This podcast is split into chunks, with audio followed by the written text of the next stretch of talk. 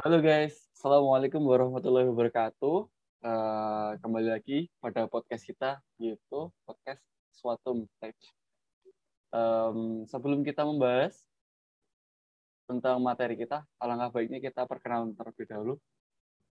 Saya selaku membawa acara yaitu Yusuf Tisadoni. Dan ada dua teman saya dari mahasiswa UMS juga, Halo, Yuk. nama saya Muhammad Jafar Iqbal dari UMS juga, temannya Yusuf Tisadoni. Yang satunya saya Syarfedi, temannya Yusuf juga.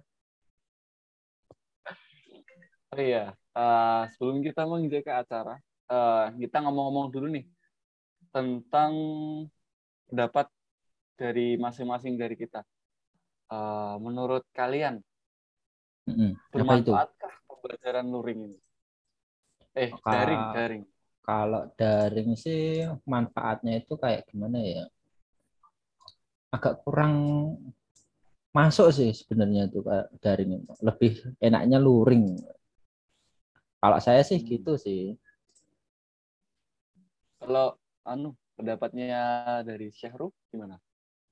Uh, kayaknya Syahrul lagi ada masalah teknis nih. Coba dibicarakan. Oh enggak. Ternyata enggak. Tidak. Halo, halo. Oh, Jadi oh, menurut iya, saya iya. tuh lebih enak luring ya daripada daring. Karena Kenapa gitu? Menurut saya tuh luring tuh lebih apa ya? Lebih lebih lebih asik aja gitu loh kak. Kalau kalau hmm. kalian kalau belajar tuh kan langsung bisa langsung tanya kepada yang bersangkutan yang bisa misalnya gitu. Kalau daring tuh kayaknya keterbatasan oleh internet deh. Itu aja sih menurut oh, saya. Iya, benar, benar. Kalau orang yang malu gitu gimana mas? Kayak semisal malu bertanya tapi hmm. mau tanya gitu misalnya kalau menurutku sih bagi orang yang malu-malu maksudnya hmm. uh, apa ya malu bertanya terus cuma diem doang apalagi hmm. nggak on mic nggak apa on cam, on cam. Hmm. ya itu nanti kalau berketerusan daring ya itu orangnya nggak nggak nggak bisa dapat apa-apa. Karena dia kan malu bertanya juga terus keterbatasan ilmu juga bisa. Hmm. itu menurutku sih. Kalau Mas Sahrul gimana pendapatnya?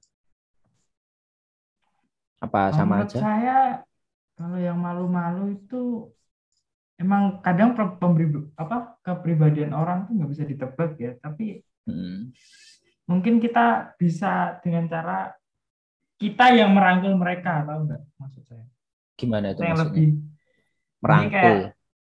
Merangkul itu dalam kata lainnya seperti mengajak gitu ya maksudnya? Iya kita mengajak mereka semua untuk hmm. jangan malu-malulah gitu. Jadi contohnya tuh kita bukan mereka yang malu jadikan contoh jangan. Jadi jangan membiarkan yang malu itu tetap malu tapi kita harus merangkulnya gitu. Kita oh, kita gitu. yang nggak malu bertanya jadi lebih lebih enak aja untuk belajar hmm. berarti kayak oh. kalau bahasa dari anak-anak kuliah kayak digendong gitu. Oh. Ya. Iya, digendong kayaknya. Carry. Carry us. Carry us. Oke, okay, oke, oke. Nah, selanjutnya kan uh, sebelum kita apa? Sebelum materi yang kita bahas ini kan kita kan udah bahas tentang hakikat, terus pengertian, pembelajaran, perencanaan pembelajaran. Nah, untuk uh, podcast hari ini kita akan kita mau membahas apa toh? Uh, itu perencana eh manfaatnya perencanaan. Itu manfaatnya apa aja? Terus fungsi perencanaan itu apa aja? Terus sama tujuan kenapa dibikin perencanaan? Bu langsung aja langsung ngajar gitu aja gimana? Kalau nggak ada perencanaan langsung das das das das nah gitu. gak enak. Langsung aja itu menurut dari mungkin menurut menurut Mas eh menurut Jafar dulu. Uh, manfaat perencanaan tuh kalau dari segi pandang Jafar gimana? Hmm, perencanaan itu harus yang matang ya dan akurat ya. Dan dapat diprediksi ya kayak semacam strategi ya. nah kayak di ML contohnya nih. ML kan harus strategi ada yang di tengah itu satu ada yang dua di atas dua di bawah kayak gitu. Tapi aku nggak pro ML ya mas ya. Jadi nggak terlalu tahu. Ya semacam kayak strategi gitu tapi ini mengarah ke pembelajaran. Jadi tujuan kita untuk membuat anak bisa paham dengan materi kita yang sampaikan itu aja sih hmm kalau Mas Febri Kalau... gimana ini? Uh, mungkin sama saja ya. Kurang lebihnya sama seperti Mas Japar. Ini BTW Febri atau Syahrul? Oh, panggil aja Syahrul aja. Kalau Febri nanti tidak enak Syahrul aja gitu. Beda orang Mas kalau Febri nanti. Oh. Teman satunya ya. Uh -uh. Ya, Hmm. Kalau menurutku sih, uh, hmm. kenapa kenapa harus ada man apa harus ada perencanaan. Terus manfaatnya tuh emang berasa sih kalau seumpama kalau kita melakukan sesuatu kegiatan kayak kita mau kita kan dari masing-masing itu kan jurusannya kan sama yaitu pendidikan sama-sama -hmm. pendidikan pendidikan. Nah, iya. Kalau nggak ada perencanaan itu nanti eh, ke depannya kita emang kalau awal-awal kita mengajarkan kita banyak ide ide hmm. oh mau ini mau ini mau ini suatu saat kita kan akan kayak apa ya kayak bosen terus kok ngajar saya monoton doang ya oh monoton terus gitu ya ya kayak gini terus nah hmm. beda kalau ada perencanaan kalau perencanaan itu kalau ada perencanaan sebelum mengajar kita perencanakan dulu yuk ini materi yang mau aku ajarkan pertemuan pertama ini, pertemuan kedua ini, terus nanti mau dibikin kayak apa, itu kan kayak perkembangannya tuh jadi lebih tercatat gitu, lebih ada satu by hmm. step by step gitu. Yeah. Kalau menurutku sih itu, terus kalau ini uh, saya juga mengutip dari internet itu uh, emang ya dari pendapat dari masing-masing orang dari Java dari Syahru itu emang benar benar hmm. terus kalau dari internet itu yang lebih tepatnya ya itu dengan perencanaan yang matang dan akurat akan dapat diprediksi berapa besar keberhasilan yang akan dicapai. Nah, hmm. ya sama yang aku bicarakan tadi, kayak tol apa perkembangannya itu ada by step by stepnya itu juga ada uh, bisa harus ada step-stepnya gitu ya biar nggak ada masalah hmm. di tengah jalan gitu ya kayak mungkin monoton bosen nah itu kan masalahnya kalau nggak ada perencanaan hmm. terus manfaatnya juga ada gitu uh, mungkin kalau pendapat dari Syahrul dulu nih uh, untuk fungsi kan kita kan udah bahas tentang manfaat toh Nah, manfaatnya tuh kayak gitu kayak gitu. Nah, fungsinya tuh buat apa ya? Kalau pendapat menurut pendapat Mas Syahrul. Fungsinya untuk memprediksi sih Mas menurut saya. Jadi perencanaan ini fungsinya untuk memprediksi bagaimana caranya kita mengetahui caranya kita belajar nanti di, di masa yang akan datang itu bagaimana gitu. Untuk selanjutnya hmm. itu gimana gitu. Iya. Jadi dengan program yang sudah kita prediksi dan ini ini ini kan juga kita juga nggak tahu ya prediksi itu kadang juga benar kadang nggak. Tapi setidaknya kita memiliki prediksi dari banyak-banyak data yang sudah kita kumpulkan untuk menjadi uh, sebuah data itu menjadi yang lebih akurat di akan di, di masa yang akan datang seperti itu. Mau menjawab kalau prediksi kayak gitu bukannya kayak gambling ya malahan ya. Tapi kan kita menganut tentang apa yang sudah kita terima yang di masa yang lalu. Untuk oh, jadi belajar dari masa lalu terus kita ya, asah dulu sih. gitu. Oh, gitu. Ya. Bukan gambling ya data-data ya, gitu. Bukan, Mas. Kalau gambling mah itu asal-asalan, Mas. Oh, iya iya. Eh kan prediksi kan. Iya. Ya, Tapi ya, terkadang apa ya?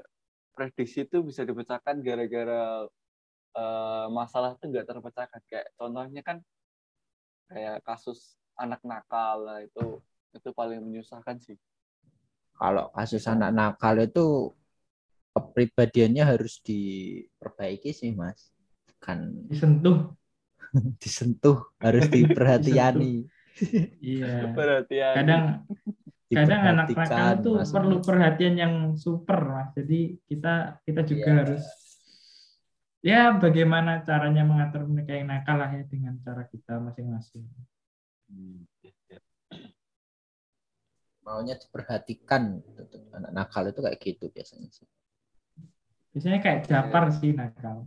Oh, enggak sih. Kan Japar sering pulang malam begadang malam. Nah, itu ke mana tuh? aduh makanya, ketahuan aduh jangan kayak gitu toh Ini untuk para pendengar jangan seperti itu ya. Iya. Jangan dicontoh. Iya, yang pasti kan kalau eh, dari Mas Jafar sendiri kan kalau pulang malam tuh pasti ada sebabnya. Mungkin karena sibuk karena kan dia kan udah kuliah mungkin bisa disambi. hmm, Kan ya soalnya saya belum tentu nugas juga gitu mas Nah. Bro.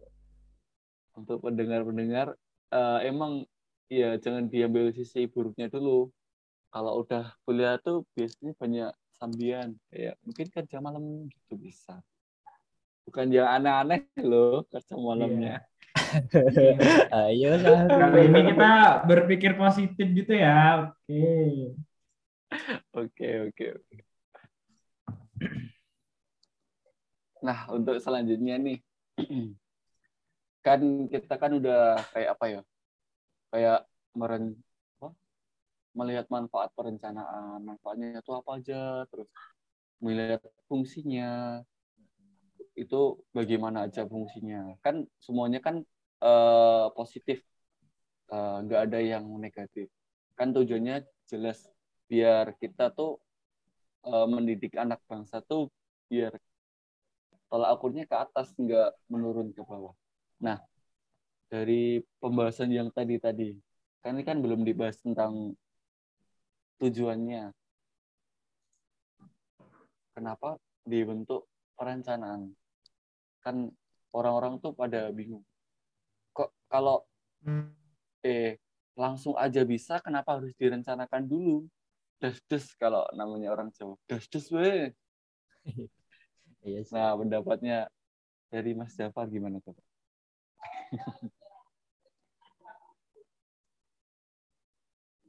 Kalau saya itu mengembangkan sikap yang positif terhadap program pembelajaran. Terus nanti meneliti, terus menemukan pemecahan masalah yang di dalam suatu pembelajaran yang sebelumnya yang kata Mas Haru tadi. Eh, jadi kita mempelajari dahulu yang sebelum-sebelumnya, lalu kita olah lagi di dalamnya, nanti bakal menjadi perencanaan yang sangat baik ke depannya. Mungkin kayak gitu sih tujuannya. Kalau untuk mencerdaskan anak itu tergantung orang-orangnya sih. Bukan ke bukan ke gurunya tetapi orang-orangnya siswa maksudnya itu. Berarti gitu sih. tergantung tingkat kemalasan siswanya itu berapa gitu. eh iya juga bisa tapi bukan IQ juga sih. tapi apa ya kayak gimana ya? Wah susah ya. Hmm. Ya. Berarti itu terpengaruh dengan apa ya? Lingkungan sekitar kayak Ya itu mungkin juga bisa. ngapain aja. Heeh, itu juga bisa kayak di rumah itu sering ngapain, lingkungannya agak gimana, terus di sekolah nanti diterapkan kan nggak cocok sama sekolahan nggak nggak masuk jadi bubrah. Hmm. Iya benar benar. benar. Tapi kalau kalau berarti- kalau eh, tujuannya seperti itu untuk pembelajaran daring kali ini tuh emang sangat mengena sekali ya.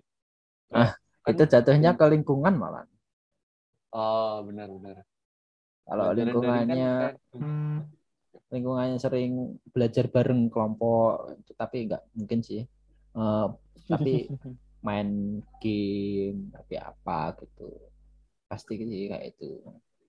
Jadi tugas-tugas kadang terbengkalai terbengkalai. Jadi lupa gitu. Ya sih. Iya. Berarti kalau fase daring kayak gini tuh seumpama dibuat apa dibuat perencanaan terlebih dahulu itu masalah terbesarnya berada di lingkungan keluarga sama di lingkungan sekitar. Kalau keluarga jatuhnya ke orang tua dong. Oh iya iya benar benar. Nggak bisa dong kita nyalain orang tua. Hmm. Tapi kadang ada loh yang daring kayak gini toh. Kan dikirain orang tuanya tuh cuma main HP, malah nggak belajar. Padahal kan kalau daring kayak gini kan sangat memerlukan media buat untuk mengakses sekolah tuh kadang oh, iya. di Benar tempat sih. saya tuh banyak yang bilang banyak yang apa kayak kayak kalau kesah gitu loh kadang disuruh bantuin orang tuanya terus sampai apa nggak ikut kelas sampai lupa ikut kelas bukan nggak ikut kelas tapi lupa ikut kelas terus oh kelenderan gitu. iya. benar iya sih itu juga berat sih saya juga ngalamin ya. harus pinter ngomong aja sih ke orang tua. Tapi Kalau juga mas ada kadang oh, terus lanjutin. Tapi juga kadang ada tuh emang orang tua tuh udah sadar kalau emang di masa kayak gini tuh juga mereka membutuhkan seperti itu. Kadang juga ya kadang orang tua tuh nggak bisa mengontrol mereka tentang handphone mereka yang mereka gunakan gitu. Jadi ya ya tergantung personalitinya masing-masing lah ya sekarang. Kadang juga ada orang tua yang bisa care ke anaknya, ada yang nggak bisa care sama anaknya.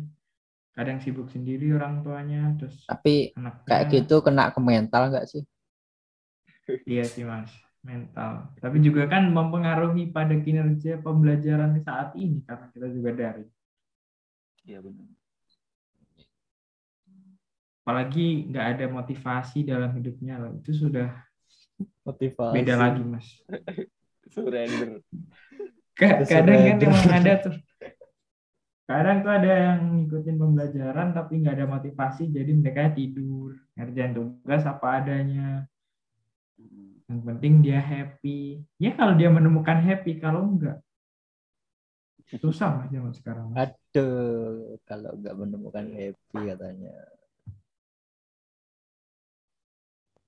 Kalau anu kalau apa anak-anak gamer gitu gimana ya mengatur apa waktunya gitu kadang kan kalau contohnya saya sendiri kan yeah. saya iya. kan sering suka main game nggak pro sih cuma uh, hobi aja kadang buat ngisi waktu itu kalau menurut saya kalau bagi bagi saya mengatur waktunya itu ya kadang suka kesulitan yang satu uh, temennya ngajakin ngerjain tugas tapi yang satunya kalau dalam bahasa tongkrongan wes saya login kesuwen barang satu. Gitu. Nah hmm. kalau bagi teman-teman gimana? Kan ini kan beda-beda gamenya. Kalau kalau dari sisi aku kan aku juga suka game nih sama Mas Sahru ini. Nah kalau aku nih biasanya tugasnya aku selesaiin dulu terlebih dahulu. Jadi biar plong gitu loh. Terus kita ya. bisa main bisa lebih lama gitu. Jadi nggak ada beban pikiran sih di otak. Terus bisa fokus main gamenya gitu. Jadi bisa luangin waktu yang lain kayak main keluar atau gimana gitu kan bisa. Jadi nggak ada beban pikiran aja gitu. Kalau aku sih gitu. Jadi sistem kebut semalam buat tugas gitu kalau aku.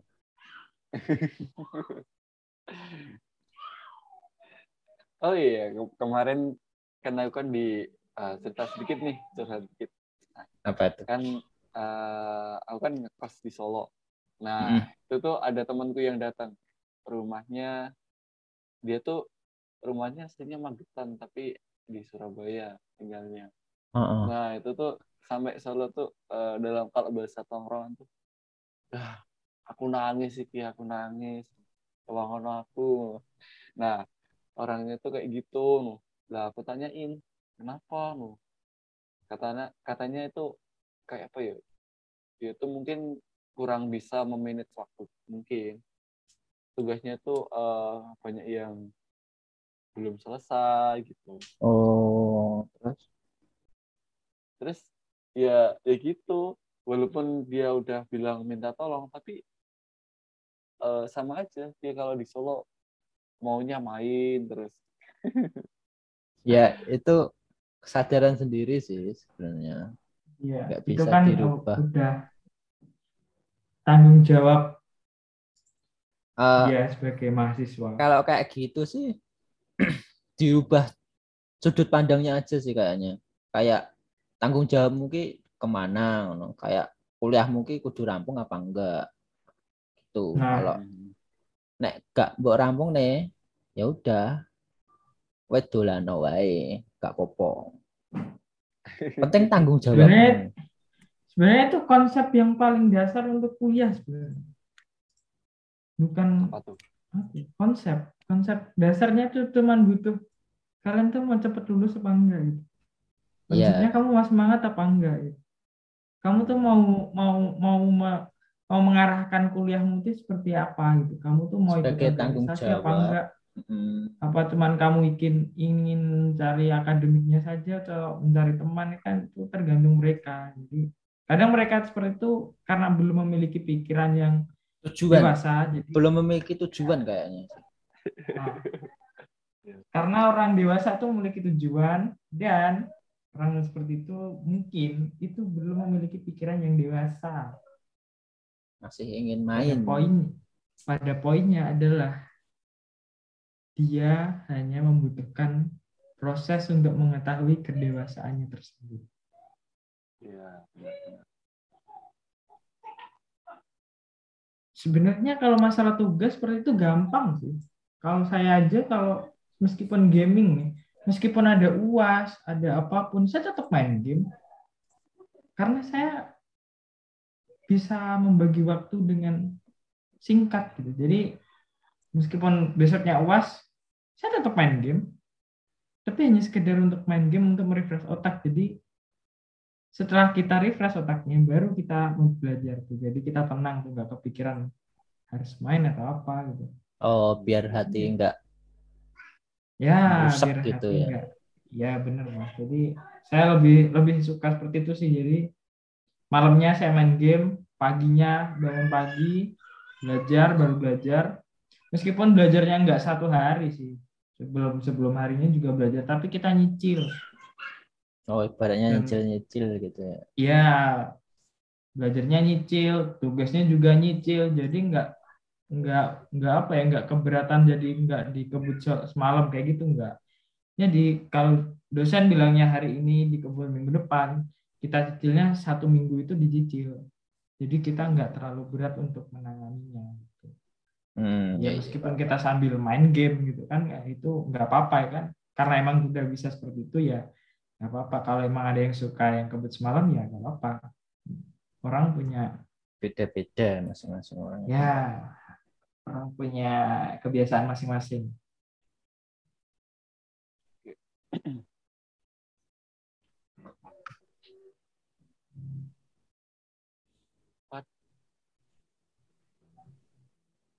Dikat engko bisa enggak? apa Engko dikat tengah engko bisa bisa ta? isa Eh, iki wis pirang menit? gak di Hmm? gak ngerti ditutup Iki wis materi ini Ah, iki materi ini soalnya jadi sebentar. kok tak kate Coba ya. Gak apa-apa Ah. Oke, materi kalau Eh, tadi eh, pendapat dari kami bertiga tentang apa toh apa manfaat manfaat fungsi Ya, dan tujuan fungsi. perencanaan pembelajaran itu. Hmm, ternyata tuh saling berkaitan sama Mm, eh, ketiga-tiganya saling berkaitan dan sangat berpengaruh pada pembelajaran hari ini yang daring. Contohnya saja eh, mungkin dari segi yang di rumah sering membantu terus apa yang di rumah malas-malesan terus main game itu bisa bisa jadi apa ya? Bisa jadi jalan keluar. Mungkin mau dibikin kuliahnya uh, ditata lewat perencanaan dulu terus model belajarnya kayak apa itu bisa. Uh, mungkin uh, sekian dari kami. Kami bertiga ada kurang lebihnya. Uh, saya mewakilinya saya mewakili saya minta maaf. Dan untuk lebihnya semoga bisa jadi bisa bisa jadi